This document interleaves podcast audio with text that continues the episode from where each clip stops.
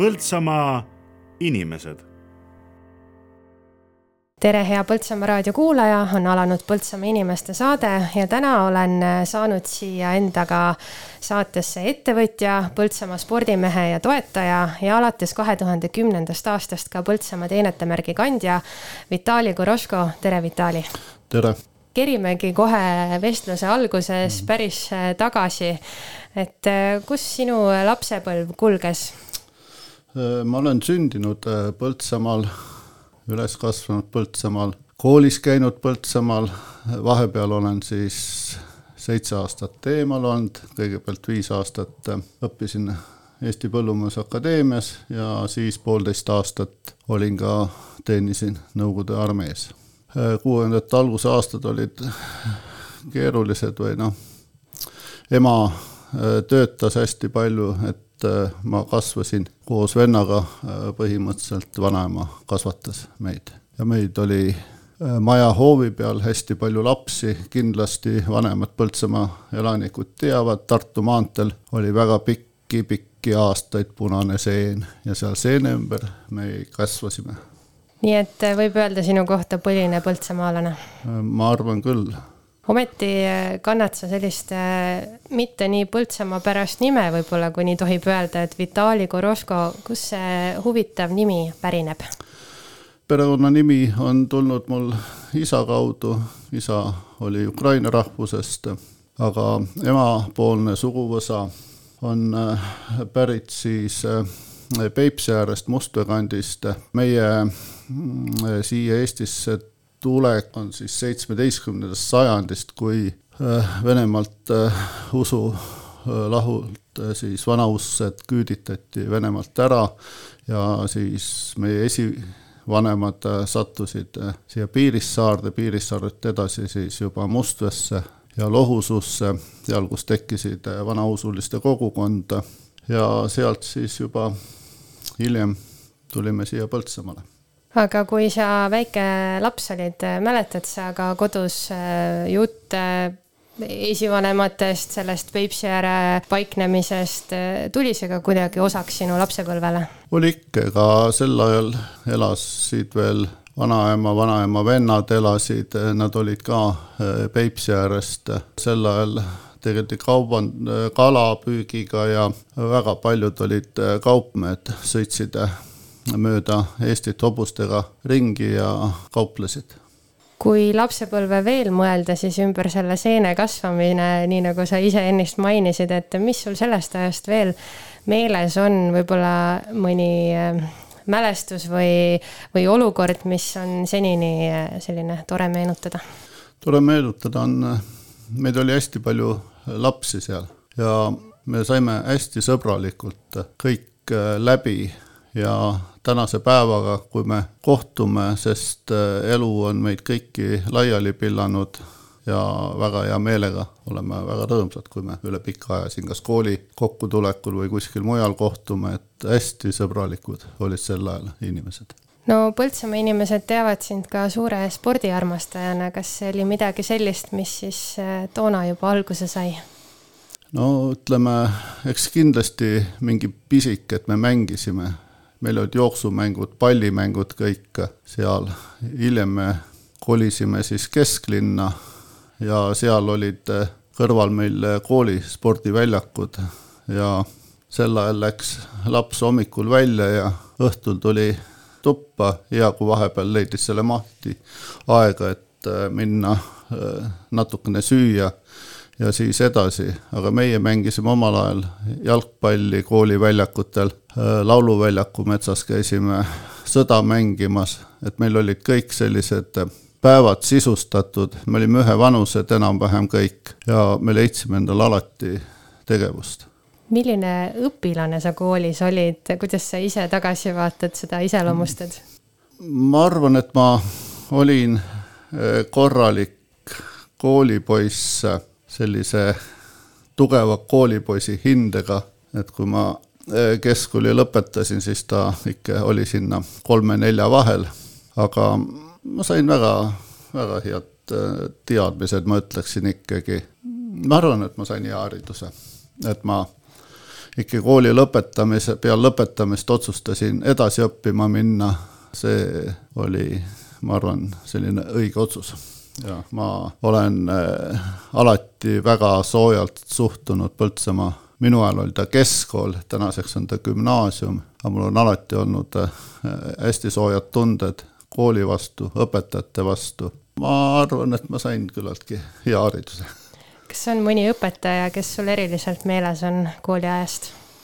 eks kindlasti kõigil on äh, oma esimene klassijuhataja, oli õpetaja Pedmanson ja mis mulle väga palju kasuks tuli, äh, ma ütlen, et ma sain matemaatika selgeks kümnendas klassis alles, et alguses võisid seal liita-lahutada, aga kui ma tundsin, et Äh, ma nüüd natukene juba oskan matemaatikat ja mis mul on eda-, edaspidises elus väga vaja läinud, siis on õpetaja Kase Ene, kes suutis mulle selle selgeks teha, sest sel ajal juba ma tegin küllaltki kõvasti sporti, et, et väga, väga palju aega kooli jaoks või noh, õppimiseks ei olnud, aga, aga ma sain ja see oli selline väga positiivne minu jaoks. Mis olid need meelisalad siis, kui spordist rääkida, kus äh, terendas isegi vaata, et äh, helge tulevik? parim, millega ma tegelesin, oli kergejõustik ja noores eas äh, võtsin osa kümme olümpiastarti võistlustest, et ma osalesin juba esimesel kümne olümpiastardi võistlusel, mis vabariigi finaalis toimus ja ilme, hiljem juba keskkoolis jooksin nelisada tõkkeid mis on praegu Eesti ilmselt ala number üks. ma olen ka päris, päris pikki aastaid jooksin. ometi ei saanud see sinu elukutseks?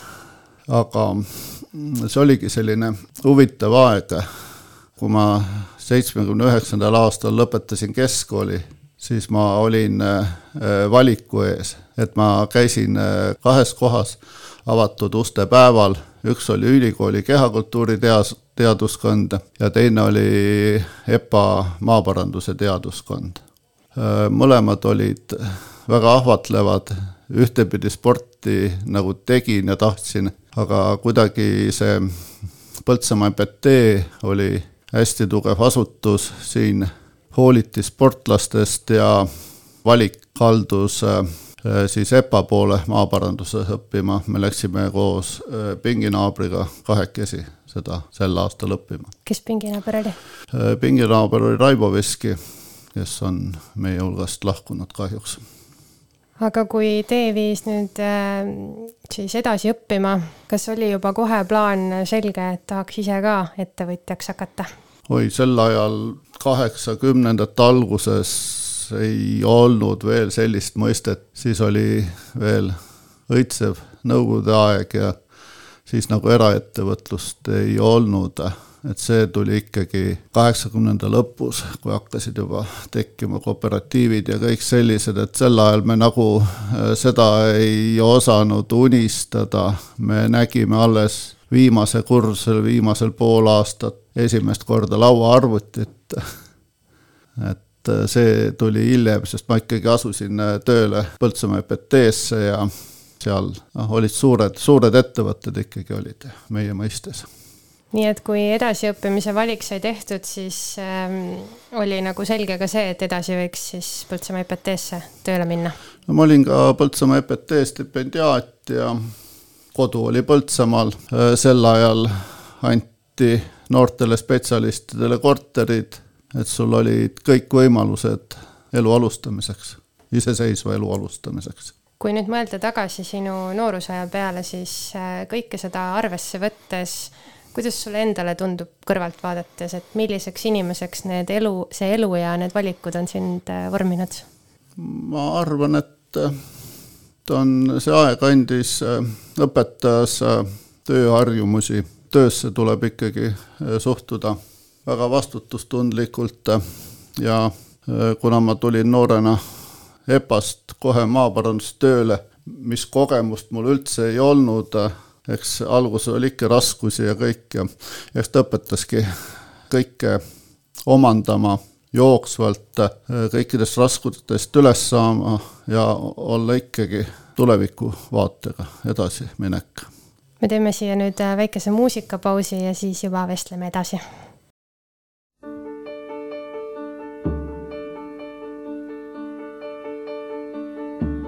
süda, kui sa ruttu tõused kuumalt rinnast tuksuma, kui su nime suhu võtan püha Eesti Isamaa. head olen näinud ja paha, mõnda jõudsin kaota, mõnda elus jätan maha. sind ei iial unusta.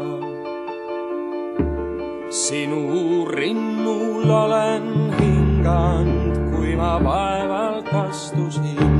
sinu õhku olen joonud, kui ma rõõmust hõiskasin. minu pisaraid sa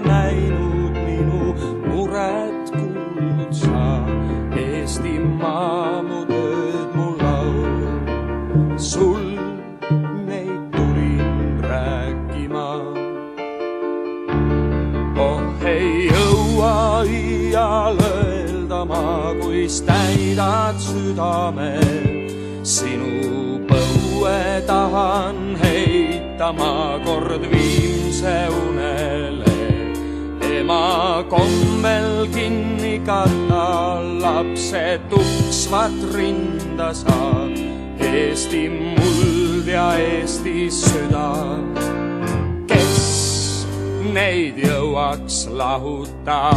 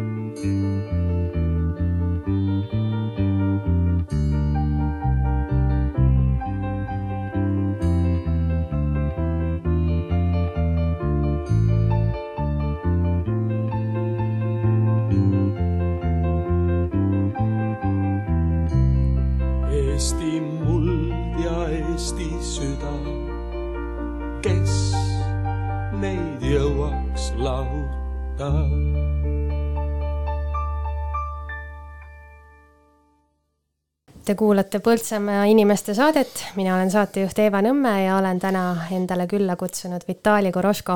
Ja kui me saate esimeses osas rääkisime lapsepõlvest, siis nüüd jätkame edasi töö ja tegemistega. nii nagu me juba arutasime ja ma juhatasin ka saateni sisse, et tegu on sinu kui ettevõtjaga. Ja kuidas see teekond siis alguse sai, ometigi oli toona siis sügav nõukogude aeg, sa ise kirjeldasid enne, kuidas äh, edasi õppima minnes polnud ettevõtjast äh, mõtlemiseks mahtigi. et äh, kuidas need esimesed sammud siis oma ettevõtte loomiseks alguse said? aga üheksakümnenda aastate alguses hakkasid äh, Eestis tekkima äh, väikeettevõtted, samamoodi äh, lagunes või äh, meie noored, me olime EPT-sse tulnud ja me olime noored mehed. me olime töödejuhatajad, me olime meistrid, jaoskonnajuhatajad ja Andres Väen oli ka sel ajal ja tema oli ka üks aktiivne ja Jüri Reinbold, kes hakkasime siis äh, nagu moodustama endiste maaparandusjaoskondade äh, baasil väikeettevõtteid ja üheksakümne teisel aastal siis moodustasimegi kõikidest maaparanduse ja turba jaoskondadest kõik eraldi ettevõtted. et sealt sai see alguse. esimene ettevõtlus oli ikkagi seotud oma endise tööga ja põhimõtteliselt endiste inimestega, kellega sa olid juba koos töötanud ja nii see alguse sai. mida siis ettevõtet alustades tarvis oli? No siis me saime, mis me saime, me pidime ära ostma siis selle vara, mis meil oli, et siis saime pangast laenu võtta ja EPT-l oli ka mingi maksegraafik, et me pidime ära ostma eh, siis kogu jaoskonnale kuuluva tehnika, millega me saime siis maaparandust edasi teha, sest ega sel ajal kellelgi endal nii suuri rahasid ei olnud, et võtad kuskilt tagataskust ja ostad endale siis kümme traktorit või midagi niimoodi. et see tuli alustada ikkagi nullist, sul oli tehnika olemas, sul oli kohe pangalaen ja sul olid kohustused, mida sa pidid täitma, aga sel ajal oli veel tööd äh, piisavalt, et nagu sellist kartust ei olnud, et nüüd me ei saa hakkama äkki. maad tuli ikka parandada, Andres eelmises sa-, saates ütles, et paljud süüdistavad meid, maaparandajad, et me oleme maa ära rikkunud, aga äh, ma arvan vastupidi, et meil on nii head viljakad maad, et me saame korraliku tehnikaga seda harida, see on tänu maaparandusele kas oli alustades äh, siis elu selline, et tööd tehti ööd ja päevad, et üks vanker veerema lükata? Noh, ega need päevad olid ikkagi pikad, algasid hommikul vara ja, ja õhtul lõpetasid, sest päeval pidid objekti peal olema, õhtul tuli paberitööd teha, mõelda, mis homseks saab. Ja tihti ka tuli laupäeviti tööl olla. Kui me saate alguses rääkisime sinu suguvõsast ja sellest, millega tegeleti, siis sa mainisid äh, märksõna, et tegeleti, et oli kaupmehi ja nii edasi, et mis sa ise arvad, kas selline ettevõtluse hing on kuidagi sulle ka perekonnast vereliini pidi äh, kaasa tulnud? noh, seda me võime ainult arvata või mina ütleks, et ilmselt tuli.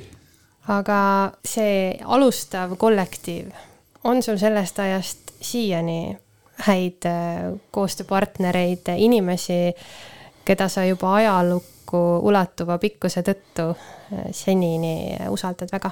no on ikka, ega me, need alustavad ettevõtjad, me ikkagi äh, läbisime hästi palju omavahel ja nüüd samamoodi oleme me Ettevõtjate Liidus koos, et selline usaldus on läbi aastate säilinud ja selline sõbrasuhe.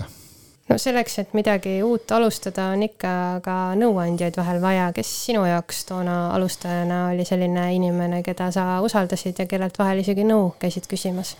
no eks ta vist oligi meie vana EPT eh, juhtkond, kellega sai neid asju arutatud ja oma jaoskonna inimestega, et kuidas edasi minna ja sealt eh, tuli kõige suurem tugi ikkagi kas oli ka selliseid aegu või on, on olnud, äh, kui vaadata nüüd tagasi, kus ikkagi asjad ei lähe päris nii, nagu tahaks ja kus on tunne, et nüüd tuleb küll kõik ära muuta ja on asjad väga halvasti? eks äh, raskeid aegu on äh, olnud meil kõigil, aga ei, on ikka püüdnud, püüdnud edasi minna, raskustest üle saada, mitte pea norgu lüüa ja käega lüüa. ikka vaim on äh, olnud ergas ja püüdnud sellega edasi minna alati ka rasketel aegadel. praeguse aja põltsamaalased teavad sind ehitussektori kaudu. kuidas siis maaparandusest ehitusse üleminek toimus?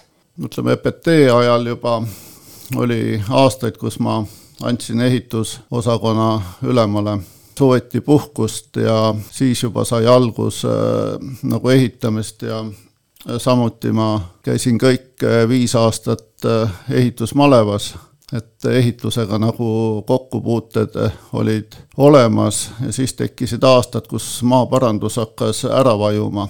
maaparandusmahud vahenesid ja siis tuli teha valikuid ja mul oli brigaadis ja sain endale meeskonda äh, sellise ehitaja nagu Mihkel Ohno, keda ilmselt tunnevad kõik vanemad Põltsamaa inimesed, kes õpetas mulle väga palju seda praktilist ehituskunsti ja ma arvan, et ma temalt olen saanud äh, sellise väga hea suhtumise, et mida teed, tee hästi, et ei ole vaja teha kuidagimoodi et ta oleks olemas, et pärast endal oleks häbi.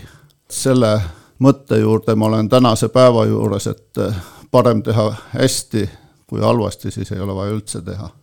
kas oma praegusest ametist ja niisugusest ehitussektoris tegutsemisest on sul ka mingisugune teistsugune pilk tekkinud, et noh, kui mina jalutan Põltsamaal ringi, ei oska ma mingeid detaile märgata, et kuidas sinule Põltsamaad vaadates siin ehitusvaldkonna käekulg tundub?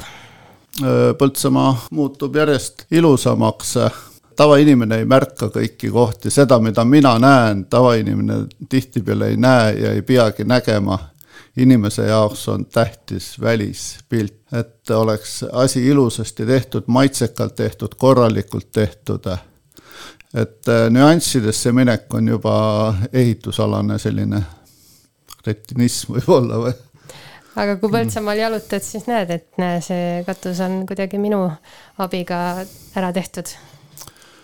noh, on ikka, alati on enda ehitatud asju tore vaadata, et äh, Põltsamaa linnas on ka ikkagi päris palju, ma olen ehitanud.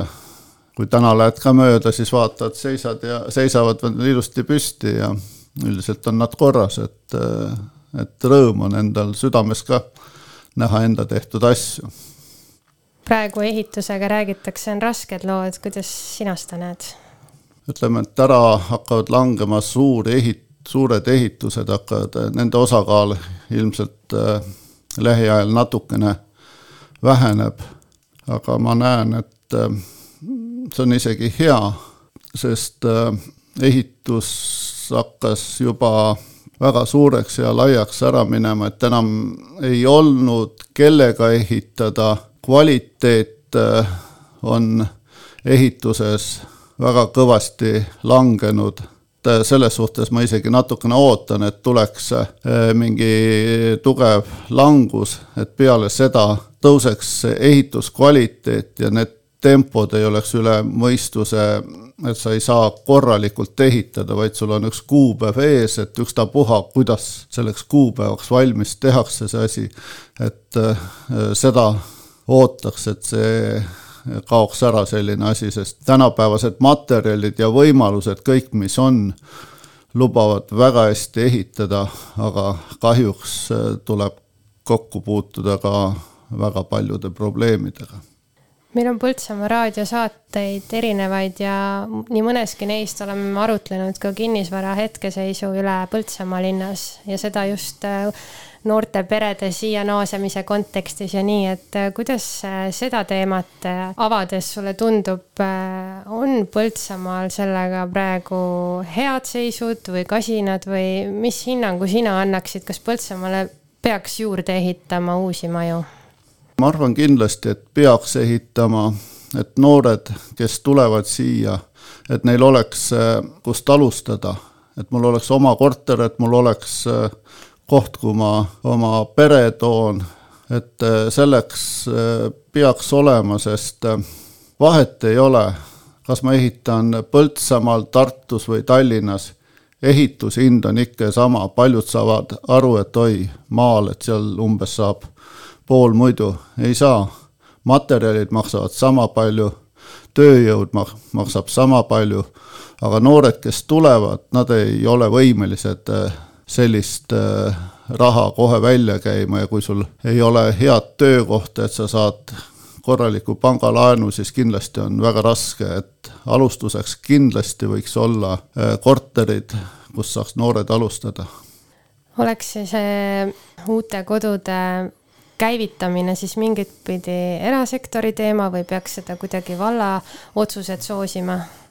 ilmseks peaks äh, siin ka riik toe alla panna just äh, väikestele kohtadele.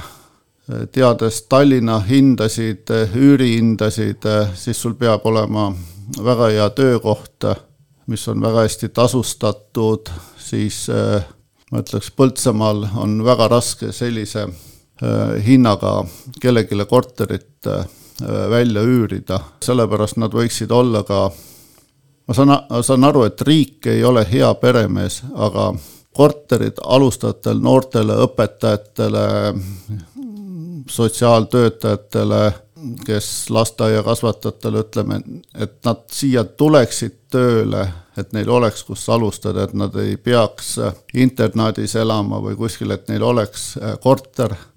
kas see leping siis tehakse viieks aastaks või kümneks aastaks, aga äh, ma usun, et see tooks äh, kindlasti Põltsamaale noori spetsialiste. Ühe äriosana oli pikalt äh, teie perekonna ettevõtte alla kuuluv ka Heleni maja, mis oli selline äh, külaliste maja siis, et enam see küll ei äh, tegutse, aga turism ja Põltsamaa, kuidas sellega läks, kuidas Heleni maja käekäik oli ja miks seda enam ei ole? Heleni maja kui selline on ikka alles, et meie käe all ta ei tegutse nüüd natukene üle aasta. Aga igal äril on selline, ma olen öelnud alati algus ja lõpp, kunagi ma alustasin ka, oli pood, see aeg sai otsa, nüüd sai otsa ka minu jaoks majutusteenuse pakkumine. Paljud arvavad, et, et see ei tasu ära, tasub ikka, kui me sõidame, puhkame siin Saksamaal, Austrias ja me näeme perehotelle, seal töötavad ju samamoodi pere töötab, aga meil tihti kohtad, et ma tahaks olla direktor ja mul peaks palju alluvaid olema. selline mudel ei ole nii väikestes kohtades, nii väikeste hotellidele mõeldav. paljud küsisid, kas ei tasunud ära see asi. tasus küll. ma pidasin hotelli circa kakskümmend viis aastat, et kui ta oleks ära tasunud, siis ma oleks ammu pankrotis olnud aga lihtsalt äh, töökoormus äh, läks juba nii suures, ehitus võttis äh, nii palju aega ja jõudu, et ei jõudnud enam. noh, tahtsin nagu natukene kergemaks oma elu ja koormust viia, sest ka hotell tahtis ikka, põhilised probleemid tekkisid õhtul, öösel, nädalavahetusel, aga kunagi pead ka puhkama. Et äh, sellepärast me otsisime pikki aastaid ostjaid ja kui ostja tuli, siis me ei kahelnud selle otsuse juures. mõned paljud on küsinud, kas sul kahju ei ole, ei ole, see oli äh, samamoodi äh, äri, ma ehitan, olen iga päev ehitanud ja olen ehitanud väga palju maju et mul ei ole nagu sellist hingepiinatu, et ma olen ühe maja teinud elus ja nüüd ma ei saa sellest lahti, ma olen maju teinud palju ja minu jaoks on ta selline loomulik protsess, et iga asi saab ühel päeval otsa. Põltsamaale ei ole tulnud juurde väga palju alternatiive, vähemalt mitte, et mina neist teaks. Ehk et kui me räägime sellisest äh, majutusteenuse pakkumisest siin just võib-olla suveperiooditi ja nii, kui huvilisi oleks rohkem, et ei ole nagu järeltulijaid või kuidas, kuidas sina seda näed? ma näen, et äh, inimeste suhtumine on töösse äh, muutunud. Palju kergem on olla, käia palgatööl, sa tead, et sel kuupäeval tuleb palk ja, ja sul vastutus on ikkagi märgatavalt väiksem. et ikkagi sellist kohustust väga palju ikkagi kaela ei taheta võtta. sinu valik hakata ettevõtjaks ja see vastutuse maht, kuidas sa seda ise kokku võtaksid, milline see on olnud? see vastutuse maht on ikkagi, ma ütleksin, väga suur. me oleme, elame väikses linnas ja ma ütleksin, et mingi üheksakümmend protsenti ajast me ehitame väljapool Põltsamaad ja siin pakkuda parimatel aastatel oli üle kahekümne inimese äh, tööl. Äh, see on ikkagi väga tõsine vastutus nende inimeste ees, nende perede ees. et see koorem on olnud küllaltki suur. mis on need teemad, mis Põltsamaal toimuva ettevõtluse tuleviku või hetkeseisu osas äh, sind mõtlema panevad või, või mingit pidi ka võib-olla murelikuks teevad? tõsiselt äh, paneb mõtlema tööjõupuudus. ilmselt see ei ole ainult äh, Põltsamaa probleem ega et seesama on ka suurtes linnades probleem, kust leida vastutustundlikku tööjõudu. kõik on õpitav, kõike saad õpetada aga vastutustunne, suhtumine töösse, see peaks tulema kuskilt, ma ei tea, vanemate kool, minu meelest praegu on see päris tõsine probleem. me kuulame nüüd järgmise pala ja siis jätkame juba Põltsamaa inimeste saatega, külaliseks Vitali Koroško. thank you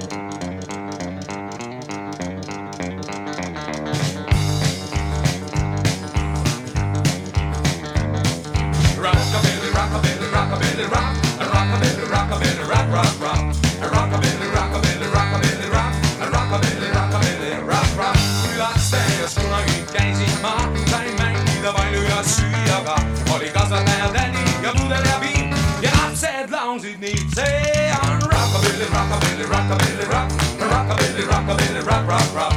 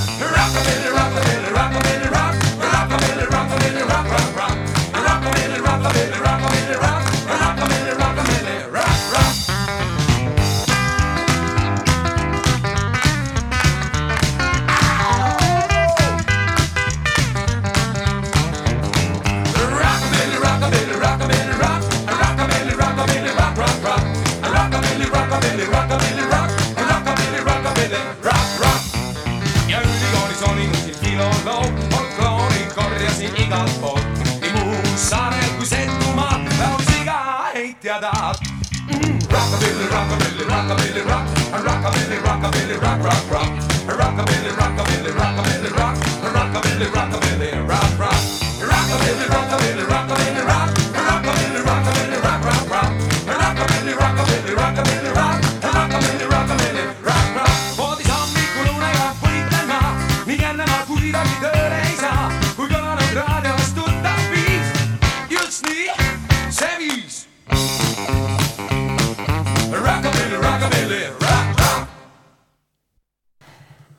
Te kuulate Põltsamaa inimeste saadet ja külaliseks täna Vitali Koroško. no inimestega rääkides iseloomustatakse sind ikkagi lisaks äh, sporditegija ja spordiarmastajale ka suure spordi toetajana kuidas see alguse on saanud, kuidas, kuidas on nii, et kui keegi mõtleb Põltsamaa spordi peale ja mitte ainult Põltsamaa spordi peale, siis ikka ja jälle tuleb suule nendele sinu nimi? ma ei tea, ilmselt äh, sport on minuga kaasa tulnud lapsepõlvest. abikaasa Sirje on olnud sportlane noorest east ja nii me koos oleme edasi teinud.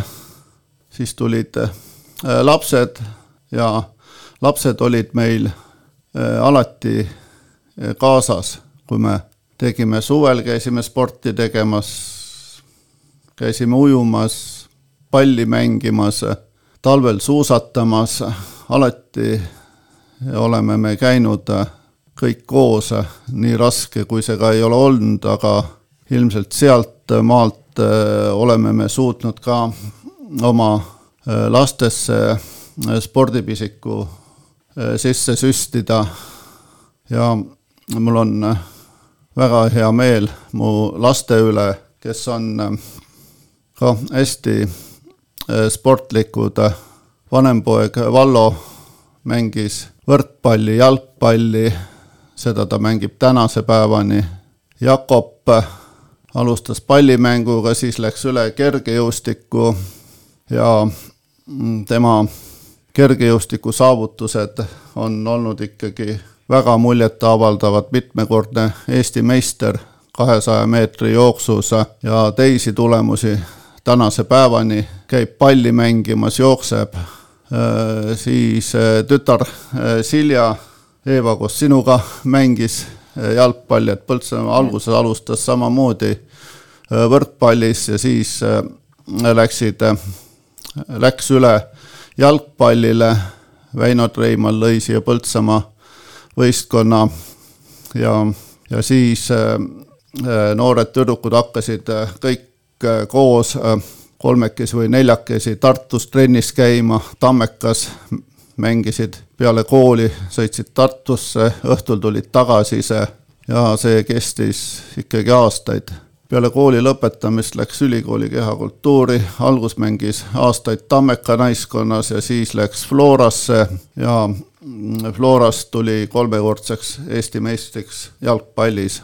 et ma arvan, et see on ainukene tüdruk, kes on selle saavutanud Põltsamaalt, et selles suhtes on mul väga hea meel täna Sirje abikaasa on samuti jalgpalliga seotud, meil on selline hästi sportlik perekond. see on muljetavaldav loetelu, aga mida siis see isa süda tunneb seal võistlustel raja kõrval või, või platsi kõrval, kui, kui lapsed mängivad? no ikka süda puperdab ikka väga kõvasti, et ise oli kergem teha, kui pealt vaadata ja see pisar tuleb ka silma, kui näed, kui midagi ilusat tulemust kas Jakobil jooksurajal Eesti meistertiitel, et tuleb meelde, üks aasta olime äh, suusatamas Austrias ja telefonis proovisin seda jooksu vaadata ja, ja finaali, äh, finiši hetk kadus ära.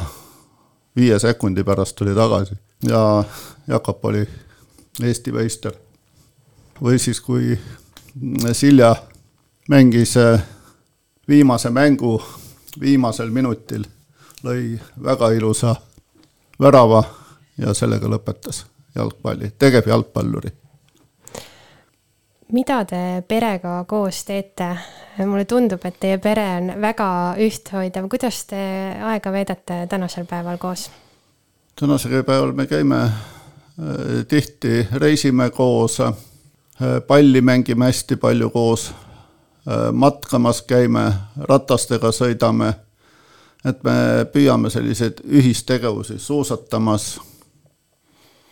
et äh, kui nüüd on äh, kõik eri kohtades, siis me ikkagi püüame äh, kokku saada ja, ja kui koos oleme, siis ikkagi midagi sporti teha ometi on just Põltsamaa see koht, mis tundub, et on jäänud ikkagi selgelt kodupaigaks. Mis on Põltsamaas midagi sellist, mis ei lase siit ära minna? meie nooruses ei olnud veel seda, et äh, Tallinn oli väga atraktiivne ja kiskus kõik inimesed Tallinnasse, sel ajal ikkagi elati rohkem oma kodukantides. Ja ilmselt see oligi, natukene üle kahekümne aasta tagasi sai oma kodu loodud, oma maja, koht on äh, väga hea, et siit saad alati sõita ükstapuha millise Eestimaa otsa, millisele üritusele, kellele külla.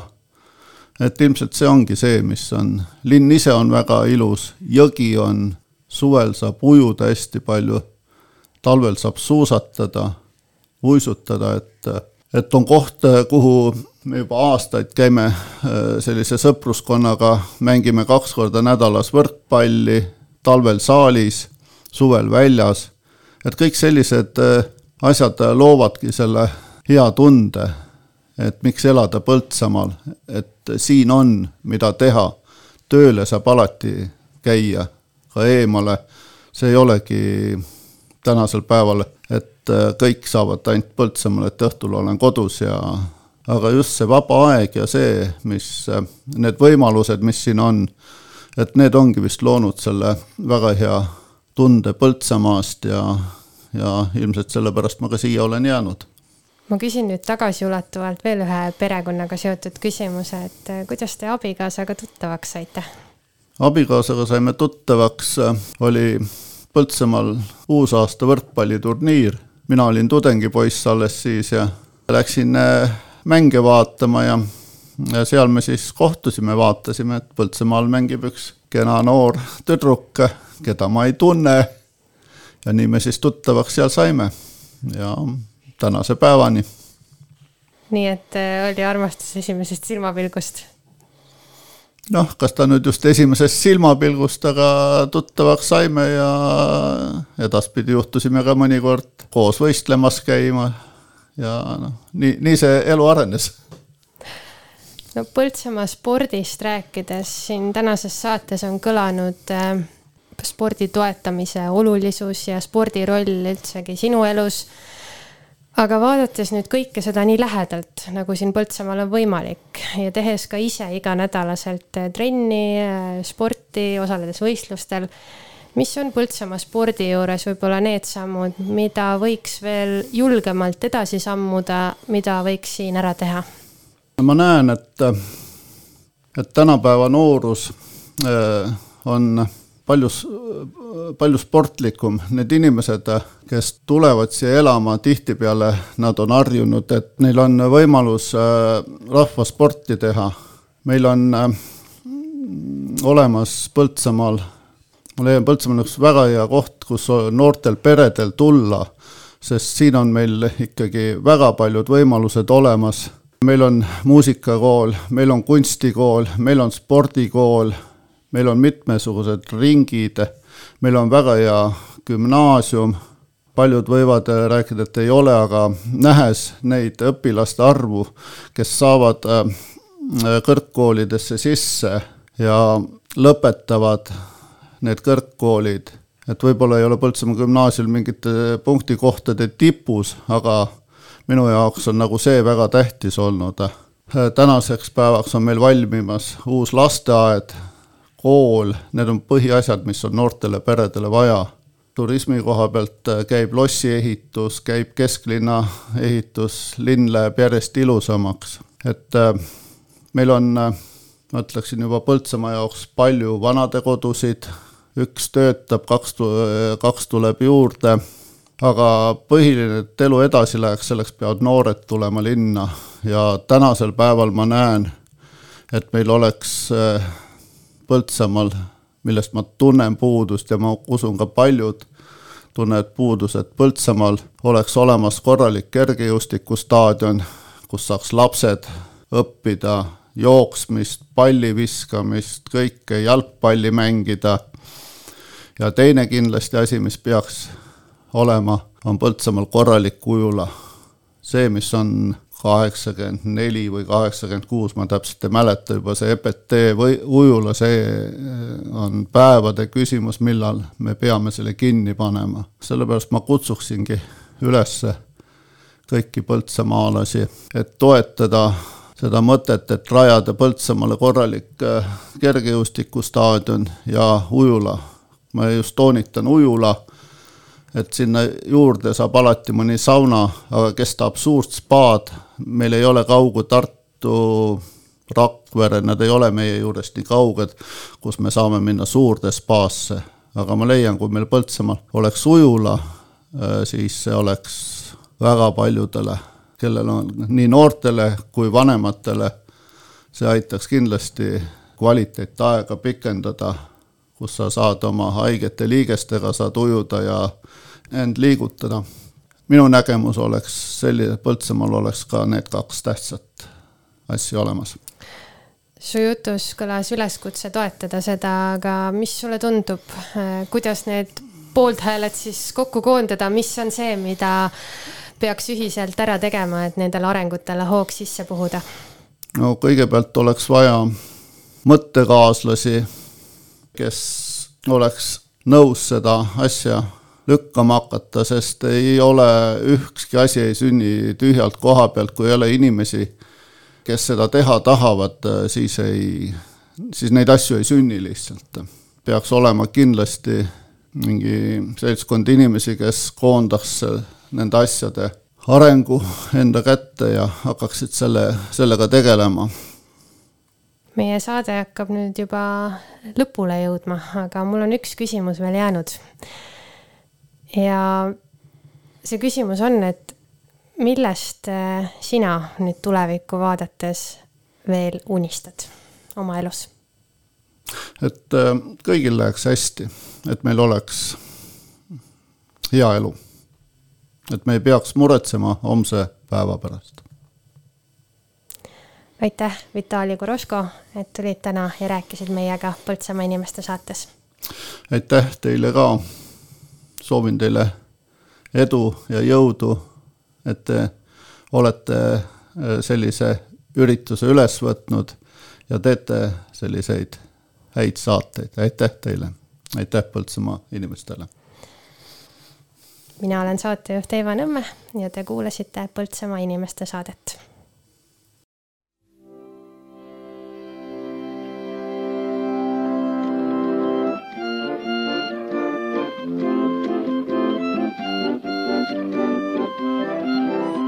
on leiutajad teinud palju ära, et kergemaks meil muutuks elujärg.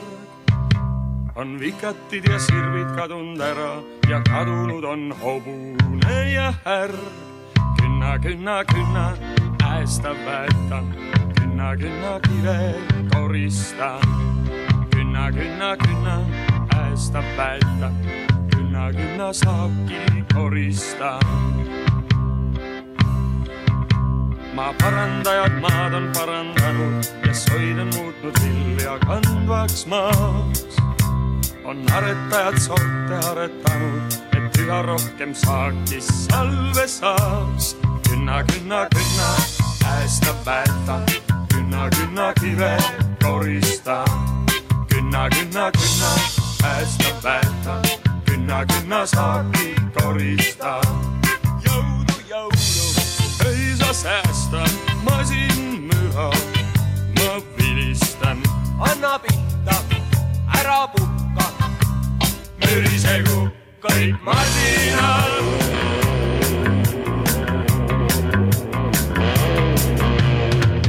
põllul masinate müra, on endist viisi raske leivatöö.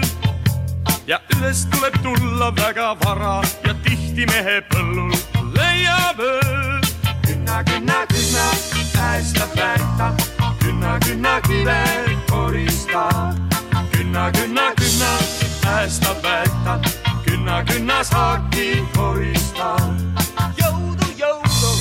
ei saa säästa,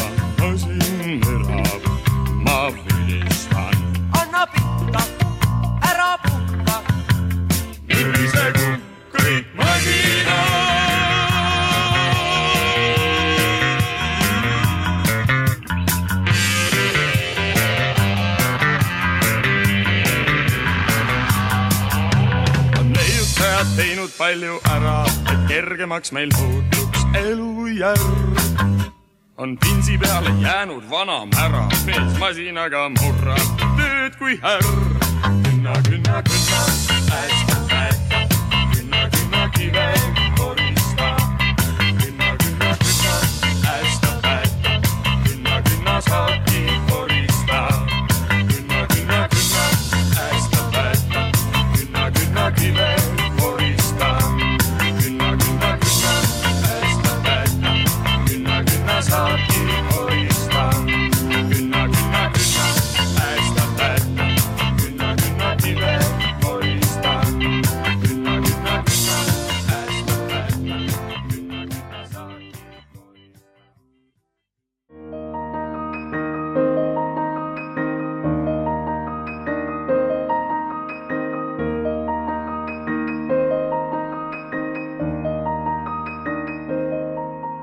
Põltsamaa inimesed